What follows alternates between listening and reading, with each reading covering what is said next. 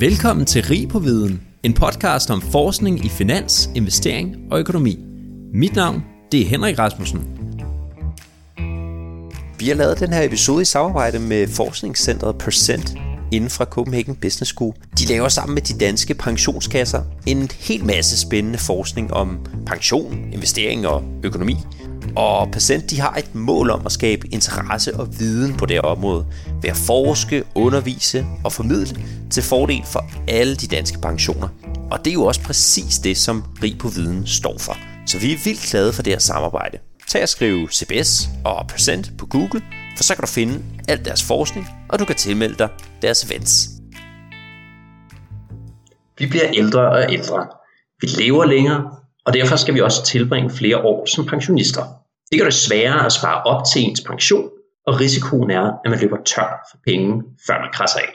Den stigende levetid den gør det samtidig svært for pensionsselskaberne og staten, som måske har forpligtet sig til at udbetale en bestemt sum penge til pensionisterne, lige så længe de lever. For hvad nu, hvis man har lovet for meget?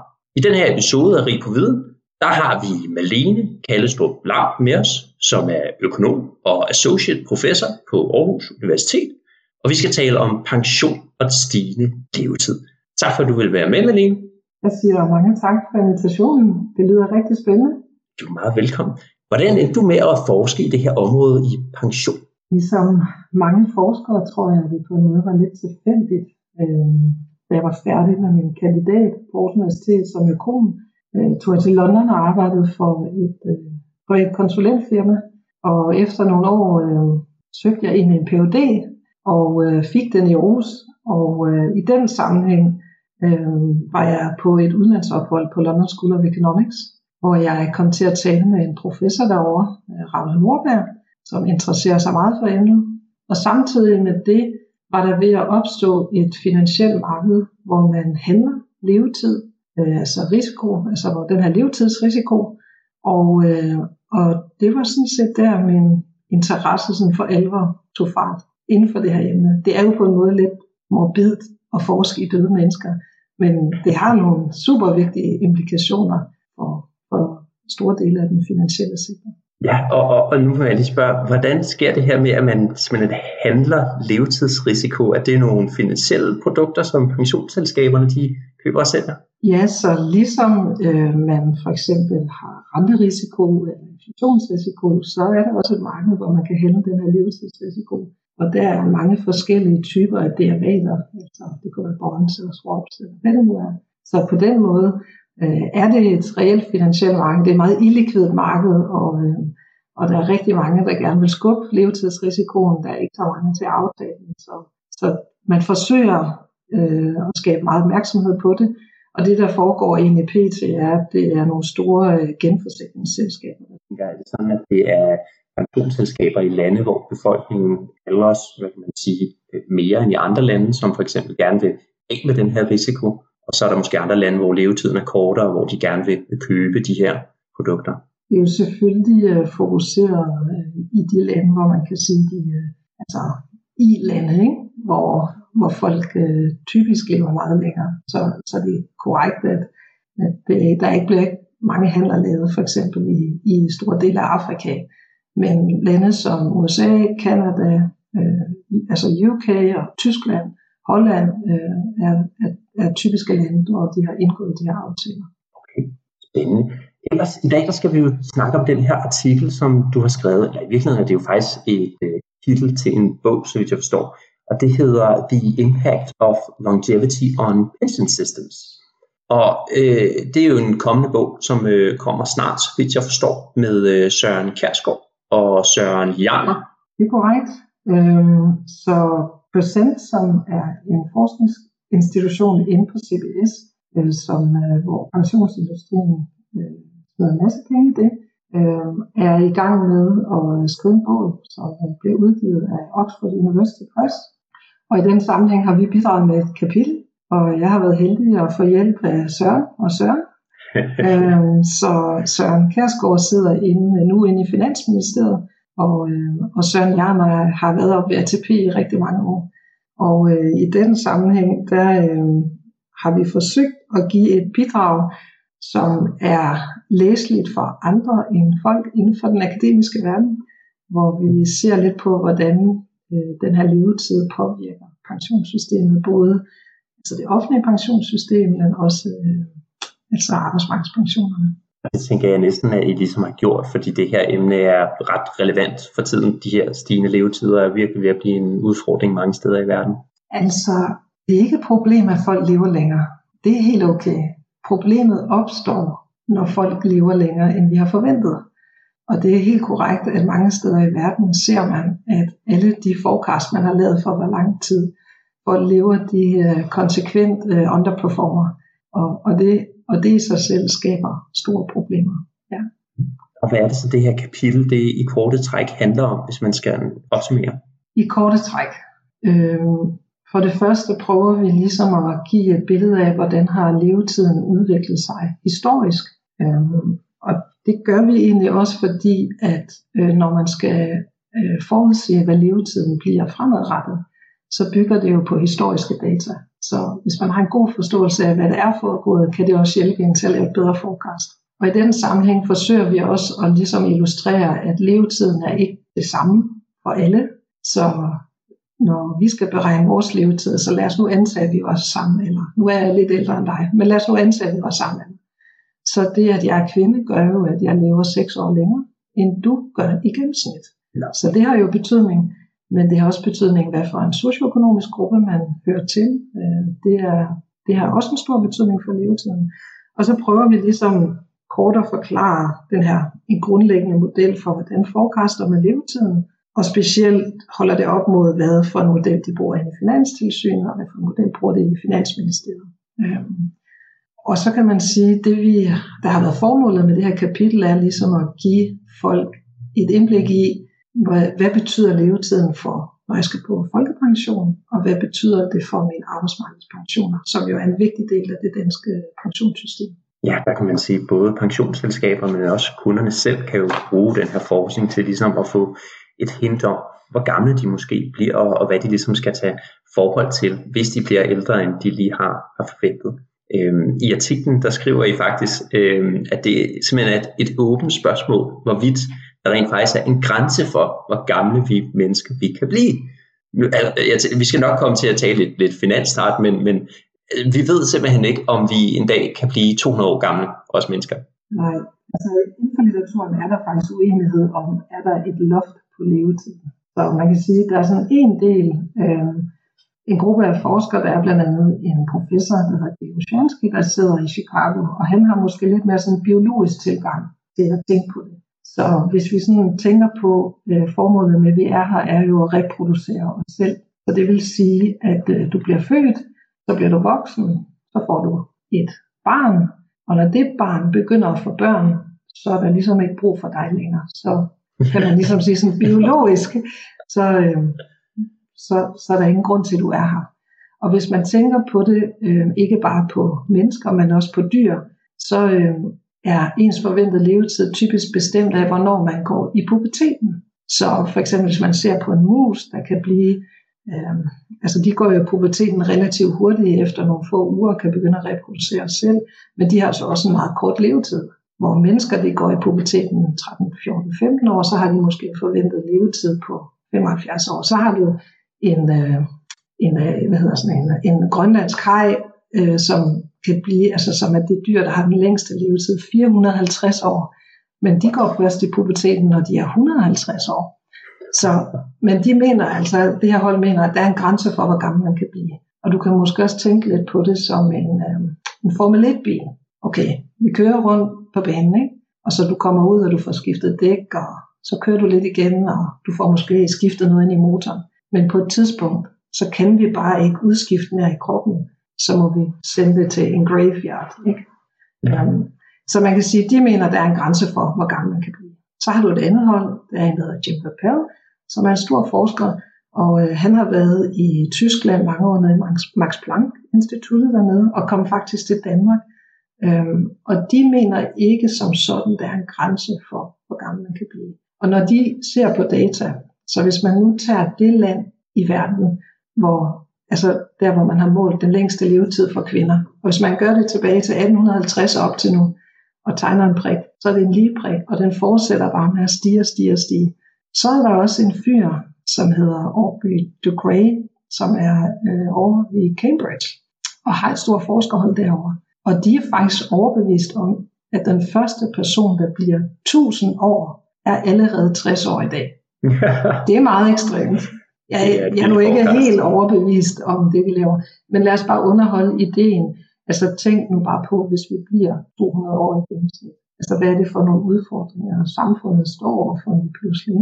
Altså hvordan skal vi finansiere vores pension, hvis vi allerede trækker os, når vi er 70 år?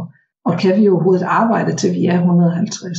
Skal vi overhovedet have børn, hvis vi alle sammen bliver 200 år? Så det skaber nogle meget spændende øh, forskningsmæssige ting, ligesom at tænke over.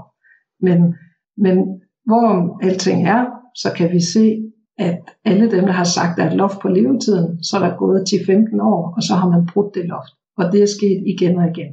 Så lige nu ser det ikke ud som om, at det stagnerer.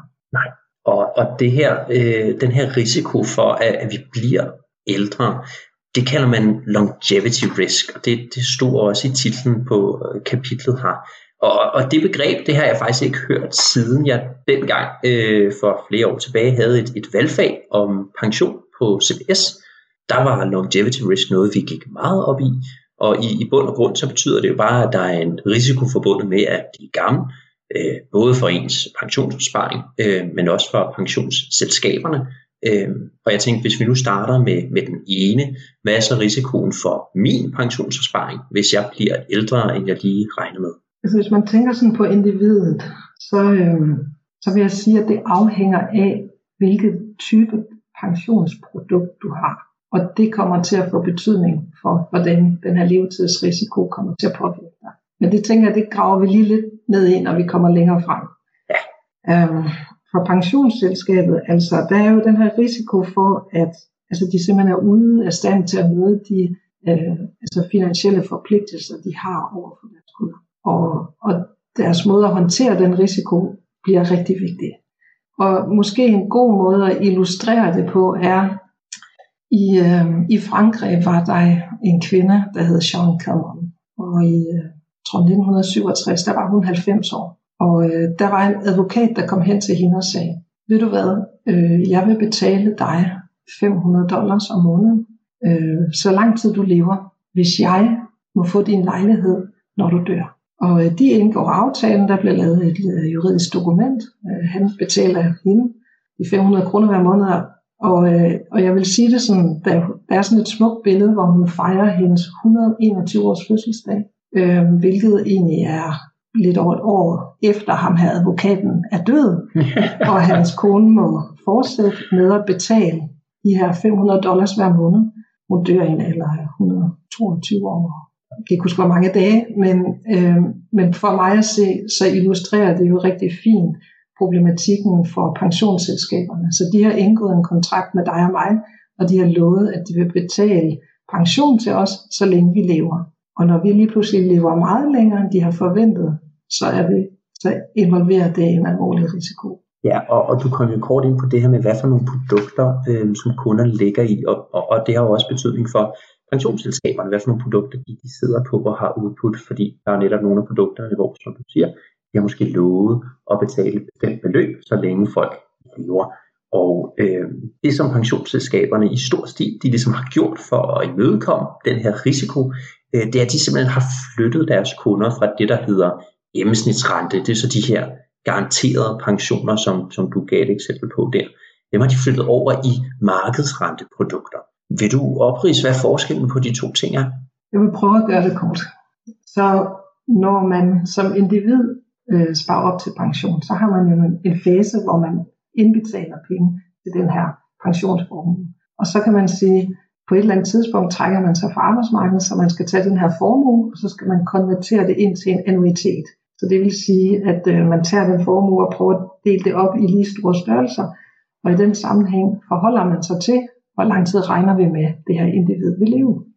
I et gennemsnitsprodukt, altså et gennemsnitsrenteprodukt, de her garantiprodukter, som har været øh, dominerende inden for pensionsbranchen i mange, mange år indtil for i slutnålerne, hvor man begynder at lave det her skift, jamen der lover pensionsselskabet sådan set, at vi vil forrente dine penge, dine penge med 2%, 4%. Vi vil gøre det ikke år til år, men over en periode. Så, altså i gennemsnit får du dine penge forrentet med den her garanti. Og så lover de, at uanset hvor lang tid du lever, så betaler vi altså et fast beløb til dig hver måned. Det kan godt ske, at beløbet stiger lidt, hvis vi klarer os rigtig godt på det finansielle marked, men det kan aldrig falde. Så det er jo det gamle type af produkt. Så sker der nogle ting i samfundet. For det første, renten falder. Så når man lige pludselig har lovet nogen at forrent deres pensionsformue med 4%, og renten måske er 2% eller 0%, så er det meget problematisk. Øhm, fordi man kan ikke bare placere pengene i sådan en sikker obligation og ligesom øh, høste gevinsten der. Udover det, så, øh, så sker der også det, at øh, der kommer en masse regulering fra EU under Solvency 2. Så bankerne er jo reguleret via Basel, og øh, hvad hedder det, forsikring og pensionsselskaber reguleret under Solvency 2-reguleringen. Og specifikt, og det blev indført, øh, det er lang tid undervejs, men i 2016 kommer det jo så, og der betyder det faktisk, at pensionsselskaberne skal til at sætte penge til side til levetidsrisiko. Så hvad skal de gøre? Fordi nu skal de lige pludselig til ikke at håndtere risikoen, de skal også til at hensætte en masse penge til det. Så derfor introducerer de det her markedsrenteprodukt. Og det centrale her er, at øh, man skubber risikoen fra individet, altså fra pensionsselskabet over på individet. Så både den finansielle risiko og levetidsrisikoen er ikke længere, ligger ikke længere hos pensionsselskabet, det ligger hos individet. Det betyder, at man nu kan investere meget mere risikofyldt, det vil sige, at man kan få sin pensionsformue til at vokse meget mere, end man kan ved at bare investere meget sikkert i de her garantiprodukter.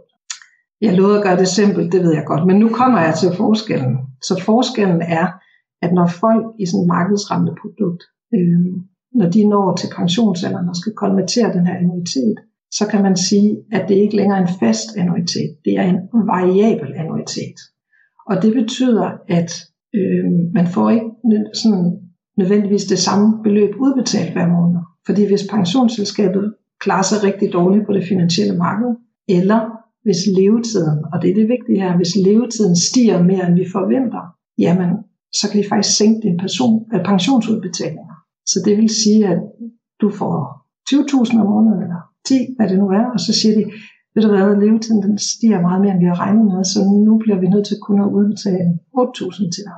Og det betyder rigtig meget for folk, når de skal planlægge deres forbrug. Så hvis du bor i en lejlighed og har regnet med, at du kunne bo der og købe det med, og lige pludselig får du et meget lavere beløb udbetalt, end du har regnet med, det er jo problematisk for individet, men samtidig, når du er i de her markedsrende produkter, så betyder det også, at du kan investere meget mere risikofyldt og det gør, at din pensionsformue kan vokse meget mere.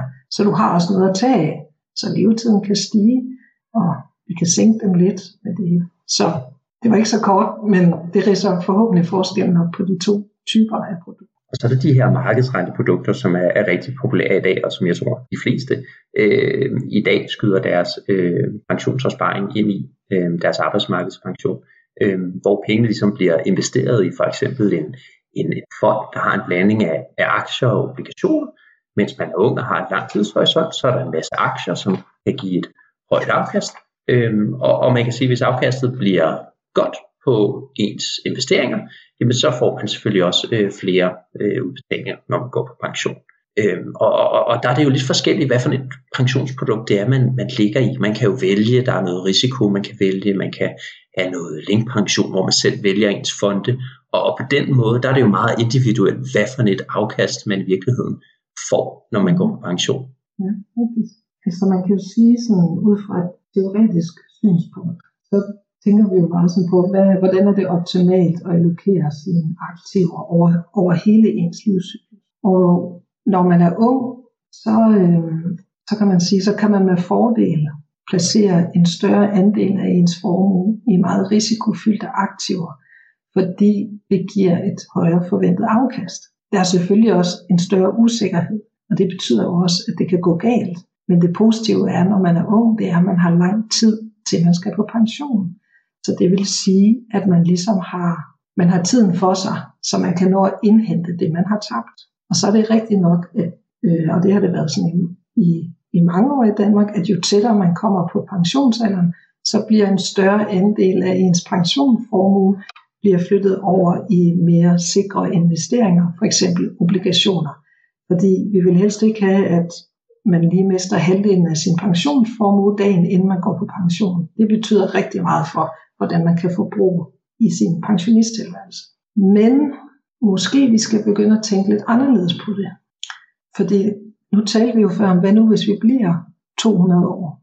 Så kan det jo ikke hjælpe, at vi allerede ved alder 67 begynder at lægge alle vores, altså hele vores pensionsformue over i nogle meget sikre investeringer, som ikke giver os noget afkast. Så faktisk i Holland har man for fem år siden givet lov til, at folk, der er gået på pension, stadigvæk må investere meget risikofyldt i deres øh, pensionisttilværelse. Og det er simpelthen med det formål at forsøge at generere et højere afkast på deres formue, så de har flere penge at leve for, fordi de lever i længere tid. Ja, det giver også god mening jo, når man har en længere tidshorisont, jamen så øh, kan man også have en højere risiko, kan man ja. sige. Men der, der skal ske en lidt nytænkning, tænker jeg, i de danske pensionsselskaber, omkring, hvordan kan man, altså, hvordan kan man hjælpe øh, altså pensionsholderne med at, at tænke den her længere levetid ind. Så ikke, ikke bare sige til dem, desværre du lever længere, vi må sænke din udbetalinger, men prøve at give dem nogle redskaber til, jamen, hvordan kan vi sikre, at pensionsformuen er høj nok til, at vi også kan tage nogle hits på levetiden, ikke kun på det finansielle marked. Ja, og der er vel for eksempel lovgivning i, i for eksempel Danmark, der, der siger, hvor mange aktier man må have i ens pensionsopsparing, hvis man for eksempel er 60 år gammel. Ikke? Og det kan jo også gøre det svært for pensionsselskaber. Helt enig, og, det, og på den måde skal Finanstilsynet også tænkes ind her. Ikke? Øhm, altså dem, der også ligesom sidder og, og, og regulerer på markedet, og de er der jo også for at beskytte forbrugeren. Men, men problematikken kan jo også blive, at man kommer til at beskytte dem for meget. Øhm, så ja. Ja, jeg synes jo, det, det er sjovt, når man øh, kommer ind i de her øh, pensionsprodukter, øh, så bliver man jo ofte som kunde valgt om at, at vælge enten lav eller middel eller høj risiko. Øh, og selvfølgelig med lav risiko er der flere obligationer, og med høj risiko er der, er der flere aktier.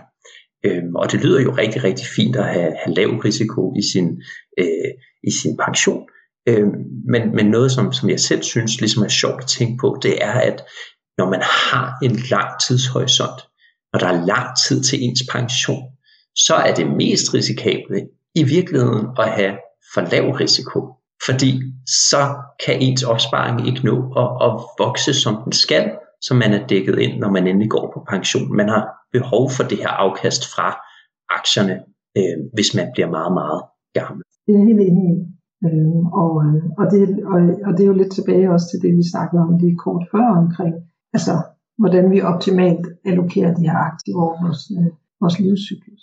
Øhm, men, men man kan sige, hvis altså, man kan jo godt være meget risikoavers og være bange for risiko øhm, og tænke, at, at det er skidt, fordi hvad hvis jeg nu mister lidt penge nu? Men, men, men med pension, der skal man altså tænke meget langsigtet. Så det er rigtigt nok, at man skal tage den risiko, og man skal tage den i meget højere grad, når man er ung, fordi det er ligesom øh, hjælper dig med at få din pensionsformue til at vokse meget mere, end hvis du vælger det, de her lavrisikoprodukter. Mm-hmm. Og, og så vil jeg lige springe til noget andet, fordi i, i jeres kapitel her, der skriver I også om, hvilken effekt ens sociale baggrund har på ens levealder. Og I har sådan en øh, skræmmende graf, den er faktisk rigtig, rigtig fin. Øhm, og, og den viser virkelig, hvor stor en betydning ens socioøkonomiske, som du kaldte det, forhold har for, hvor gammel man bliver. De her socioøkonomiske forhold, det måler I, så vidt jeg ved, øh, med hvor mange penge man har, hvor stor ens opsparing er, og hvor stor ens indkomst er. Øh, jeg tror, det er det tidspunkt, hvor man går på pension, I ligesom måler det. Øh, men så tænker jeg, altså selv i dag i 2021, er der virkelig så stor forskel på, hvor gamle dem med lav og høj indkomst de bliver?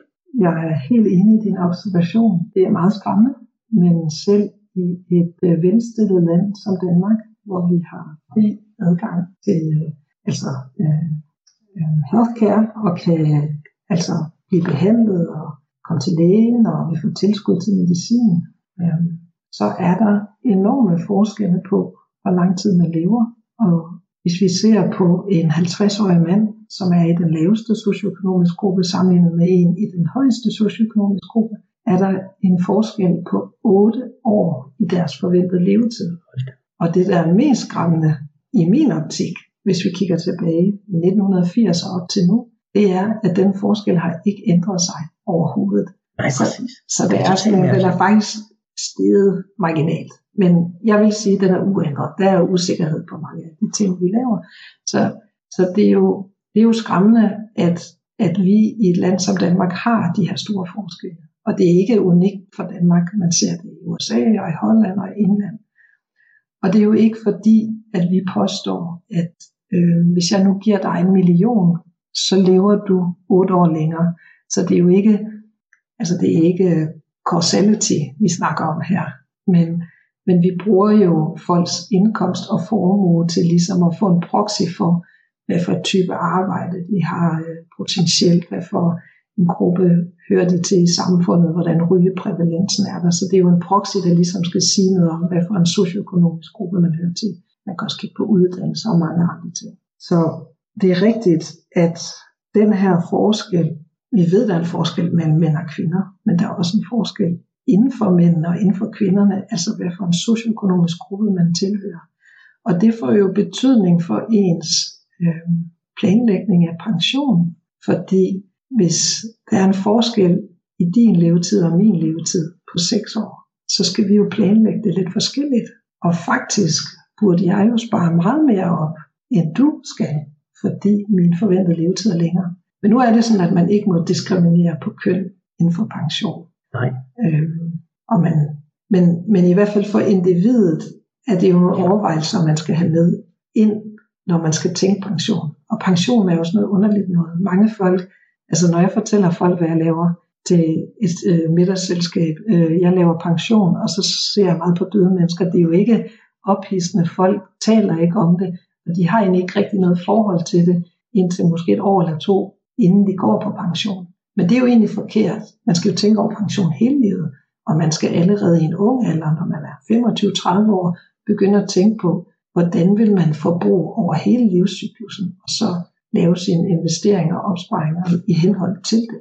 Det er sjovt, at du nævner det her med, med kønnene, nemlig fordi, fordi du har helt ret i, at, at det standard pensionsprodukt, man typisk bliver anbefalet, øh, det er det samme, uanset om man er mand eller kvinde, selvom ens øh, tidshorisont jo faktisk er helt forskellig, hvis man kigger på, på data. Ikke?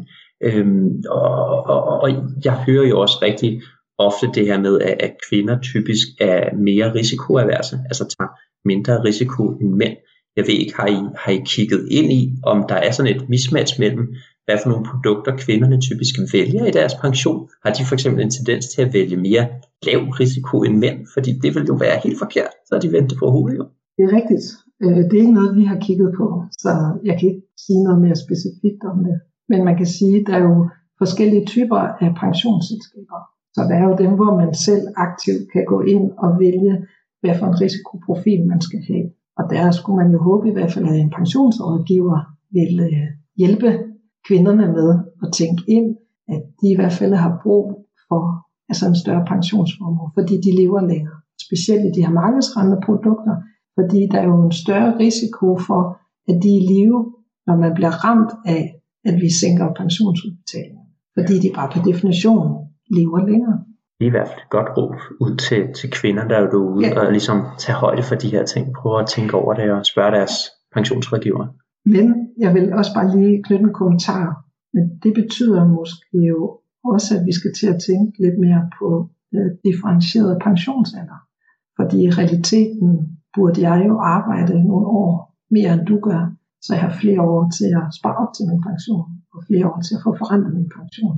Men i dag er det jo sådan, at vi har den samme pensionsalder, altså den offentlige pensionsalder for alle. Øhm, så det er jo et yderligere aspekt af det. Så ikke nok med, at man på investeringssiden skal tænke, at man skal gøre noget, der måske er anderledes end manden gør, men man skal også tænke på, at man potentielt skal arbejde lidt længere, fordi man bare er her i længere tid.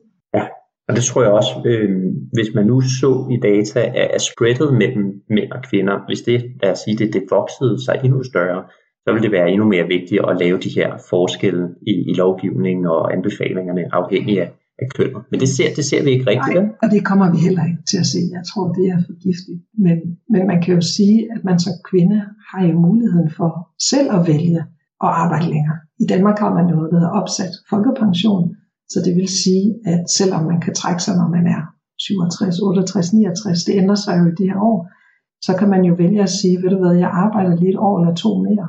Og så siger den danske stat, det er en god idé, så når du går på folkepension, så det beløb, du får udbetalt, bliver højere, fordi du har udskudt din pension. Ja, det er sjovt, fordi lige præcis det her med, med at spekulere i, i, hvornår man gerne vil gå på pension. Det var faktisk noget, vi, vi regnede på i det her valgfag, jeg havde. Altså simpelthen, hvis man havde en forventet levetid, øh, kunne det så betale sig at udsætte ens pensionsalder. Øh, så kunne man regne lidt på det. Ikke? Så, så hvis man har en idé om, hvor sundt man har levet, og øh, om man har rådet osv., så, så, så kan man også prøve at spekulere lidt i det, ikke? Øh, for ligesom at optimere det til, til ens egen øh, situation. Men det kræver i hvert fald, at man tænker over det, og begynder at interessere sig for det. Ja, høre en, en podcast i Rig på Viden om det. Det kan være et, et rigtig godt råd. Ellers, øh, Malene, hvad har man gjort sådan i samfundet øh, for at imødekomme, at folk bliver ældre, altså for eksempel staten og lovgivningsmæssigt? Og i Danmark, ligesom mange andre steder i verden, har man jo et pensionssystem, der er delt op i nogle søjler. Og man har en søjle, der ligesom tilhører folkepensionen, de har offentlige typer af pensioner. Så har man en søjle 2, der er til arbejdsmarkedspensioner, så har man nogle private pensioner i søjle. Så lad os lige tale lidt om søjle 1. Så med hensyn til at imødekomme, at vi har set de her stigninger i levetiden, har man jo med øh, folkepensionsalderen bestemt i Danmark, at den nu bliver indekseret så det vil sige, at folkepensionsalderen bliver bestemt efter, hvordan levetiden udvikler sig. Og det man i nogle lidt mere detaljerede regler, men sådan lidt kort fortalt, så siger man, at målet er, at vi i gennemsnit skal være 14,5 år på pension. Så man kan sige, det er jo et radikalt og meget aktivt valg, hvor man ligesom går ind og siger, de ekstra leveår, I får, skal I bruge på arbejdsmarkedet. Så hver gang levetiden stiger, så kan I først gå senere på pension. Så en til en. Ja, som det er nu. Øhm, og der kan man jo så stille spørgsmål ved, hvis vi bliver de der 200 år, når du er 150 år, kan du tage de ekstra år og være produktiv og arbejde i det job, du gør nu, på samme måde som en 20-årig. Så der er nogle ting, man skal tænke lidt over, og der kommer måske også nogle finjusteringer hen ad vejen. Så der har man jo aktivt gjort noget fra statens side. Og så kan man sige, i de her arbejdsmarkedspensioner, der ligger i søjle 2, der har man jo gjort det, at man har lavet de her nye typer af markedsrente, altså de nye markedsrenteprodukter, hvor man ligesom har forsøgt at imødekomme den her levetidsudvikling ved at tillade, at folk kan investere meget mere risikofyldt, men samtidig, at de lige pludselig har den her risiko for, at når de lever længere end forventet, så kommer det til at påvirke deres udbetalinger. Øhm, jeg vil sige en kommentar øh, i den sammenhæng øh, med hensyn til den her indeksering af folkepensionsalderen. Nu talte vi jo før om de her forskelle i de forventede levetider. Så det kan jo godt blive lidt problematisk for de her lave socioøkonomiske grupper, specielt mændene, fordi deres forventede levetid afviger jo meget fra den her aggregerede levetid, som vi fastsætter folkepensionsalderen ud fra. Så det betyder jo også, når vi laver den her indeksering, så bliver sandsynligheden for, at en mand i en lav socioøkonomisk gruppe, sandsynligheden for, at han får de her 14,5 år på pension, bliver lavere.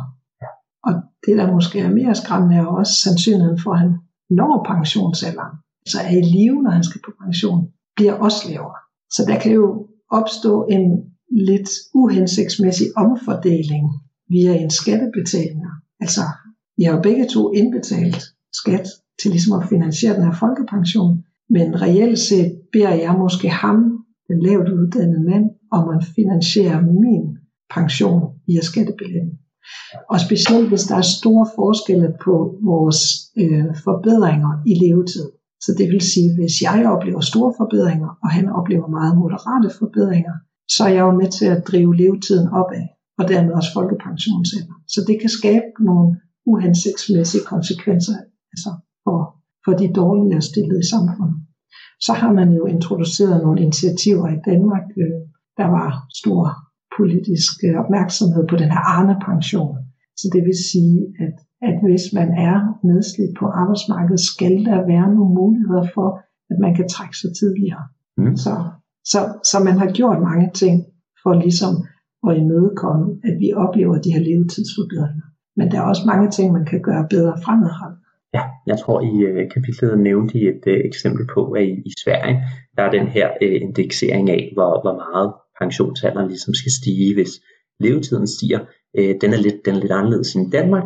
Der gør de det, hvis levetiden stiger et år, så stiger øh, den her pensionsalder, den bliver så øget med 0,6, eller altså en to tredjedel af, af, af den her levetidsstigning. Og, og, og det er jo lidt med, med, med øje for, at i dag, der jeg vil sige, vi arbejder til vi er, er 60, og så lever vi til vi er 90, altså groft sagt, ikke? Øh, og der passer det jo meget godt sammen. Det er en mere mild øh, måde at, øh, at ligesom tage højde for de her levetidsforbedringer. Og, øh, og det, det gøres forskelligt i mange lande i Europa. Øh, og man kan sige, at vi har i Danmark valgt en, altså sådan til den mere strenge side. Øh, og det må vi jo kigge på og sende vejen, om det er hensigtsmæssigt. Men man kan sige, der er jo grund til, at vi gør det. Altså vi skal jo sikre den finansielle stabilitet af den danske stat. Fordi du kan jo huske hende her, Jean Camon, der blev de der 122 år. Altså staten skal jo, har jo indgået en lignende kontrakt med alle deres borgere. Så vi skal jo også sikre, at det er sustainable, det her system. Og der, øh, altså inde i Finansministeriet og blandt andet Torben M. Andersen har jo lavet rigtig meget øh, forskning inden for det her. Så det er jo ikke så det er jo ikke med et ondt, en ond tanke, man gør de her ting. Det er jo også for at hjælpe folk. Altså det går jo ikke, den danske stat går for lidt. Altså at der ikke er flere penge til at betale øh, folkepension. Ja. Og specielt når vi tænker på andelen af ældre i dag, og også fremadrettet, så bliver problemet jo ikke mindre. Mm så viser I også i jeres kapitel, hvordan man kan forudse befolkningens levealder. Og det er jo et værktøj, som pensionsselskaberne blandt andet ligesom kan bruge til at forberede sig på den her udvikling. Øhm, kan du i nogenlunde simple termer forklare, hvordan man sådan forudser pensionsalderen? Jeg vil gerne prøve. Eller levealderen. Ja, undskyld, jeg levealderen. Øhm, altså, man, så det man kort gør, er, at man kigger på historisk data. Så man skal ligesom se på, altså man, man, har jo, man har kun information om, hvordan folk er døde bagudrettet. Så det er ikke sådan, at man sidder og modellerer medicinske fremskridt, eller de her grupper stoppet med at ryge. Det, det gør man ikke. Man ser simpelthen på, hvor mange folk døde tidligere, og hvor mange var i risiko for at dø.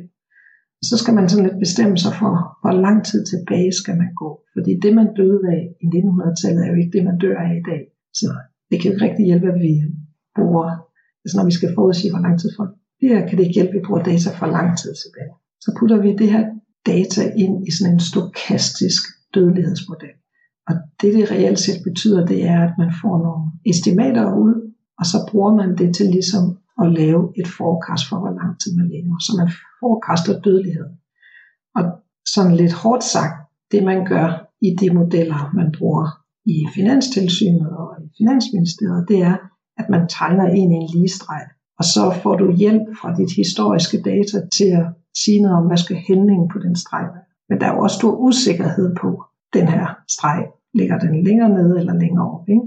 Så det er jo altså der er noget stokastik, og det er, der er usikkerhed på.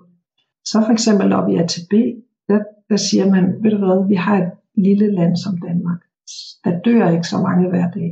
Når man skal modellere sådan noget her, så er det godt, der er mange, der dør. Fordi så er der ikke så meget støj. Så for eksempel et land som USA, hvor der er mange folk, der dør hver dag, så er det sådan lidt mere roligt. Det, dataet er mere roligt. Men i Danmark, du ved, for eksempel for første gang i 1992 var første gang, at der ikke var nogen 8-årige piger i Danmark, der døde. Det er jo et problem ud fra et modelleringssynspunkt, fordi så er der ikke noget data. Det er godt, der ikke er nogen 8-årige piger, der dør, men når man skal modellere det, er det et problem. Så det, de gør, det er, at de siger, det er ikke nok, vi bare kigger på, hvordan danskere dør, vi kigger også på, hvordan folk i Norge og Sverige og hele Europa og i USA dør. Så puler vi det ind til et meget stort datasæt, og så får vi mere stabilitet i vores rum. Så der bruger man sådan nogle multipopulationsmodeller. Men når man så har forecast på dødeligheden, så kan man putte det ind i en meget kompliceret formel, og så beregner man levetiden. Jeg kan godt forstå din pointe, det her med, at det er mobilt at forske i pension. Det, det minder mig lidt om uh, Altmann, der åbner en flaske champagne, hver gang en virksomhed går konkurs, mm-hmm. og så har han mere data i hans model. og jeg synes, det er vigtigt at understrege, at vi synes, det er positivt, at folk lever Og det er ikke sådan, at vi sidder og kipper med fladen, når folk dør. Ja, hvor, hvor gammel bliver jeg så, hvis du skal forudse det, Malene? Jeg er øh, 27 år øh, gammel. Det tænker jeg er måske meget godt øh, repræsentation for vores gennemsnitlige lytter. Jeg tror, øh, når jeg tænker på, at du er mand, jeg tænker på, at øh, jeg kigger også på dig og siger, at du ser jo sund og har skud. Øh, jeg kunne godt tænke mig at vide, øh, om dine bedste forældre stadig er i live. Det kan være en god prediktor for, hvor gammel man selv bliver. Så, så hvis du har en morfar eller en farfar, der er her endnu, Nej, nej, det er faktisk et, et år siden min, min sidste bedsteforældre døde. Ja. Øhm, og jeg har ikke rådet og, nej, og så videre. Men øh, et godt bud er at lægge en 10 år til deres alder. Måske 15. Okay. Måske en, en 95-100 år. Det kunne være, det kunne være fedt. Så, det er jo sådan her for et par år siden kom ATP jo med deres forecast, at de regner med, at 40% af alle piger, der bliver født, bliver 100 år. Så det kan pensionsselskaberne tænke lidt over. Ja. Ja. Ellers, hvis vi ligesom skal opsummere det, vi har, har talt om i dag, Malene, hvis man nu sidder derude som pensionskasse eller pensionsopsparer, hvad skal man så tage med sig fra den her forskning, I har lavet? Hvor morbidt det end er, så vil jeg sige, at øh, altså levetid og levetidsrisiko, det påvirker vores, alle vores liv. Så som individet, så påvirker det jo, hvor meget kan du forbruge igennem dit liv. Det påvirker, hvor mange år skal du være på arbejdsmarkedet. Øh, det påvirker også din investeringsprofil. Og man kan sige, for pensionsselskaberne, der påvirker det jo rigtig meget deres risikostyring, og det påvirker øh, i den grad også, hvad for nogle typer af produkter, de ender med at udbyde.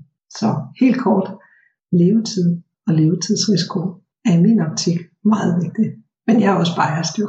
Jamen med det, Malene, så tænker jeg, at vi lukker ballet her. Tusind tak, fordi du vil være med. Jeg siger mange tak for de mange interessante spørgsmål. Det var en fornøjelse. Tak for, at du lyttede med til Rig på Viden.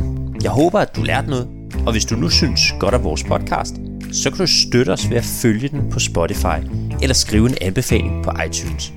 Inde på LinkedIn, der kan du følge André Thormand, Benjamin Somofen eller Henrik Fode Rasmussen. På genhør.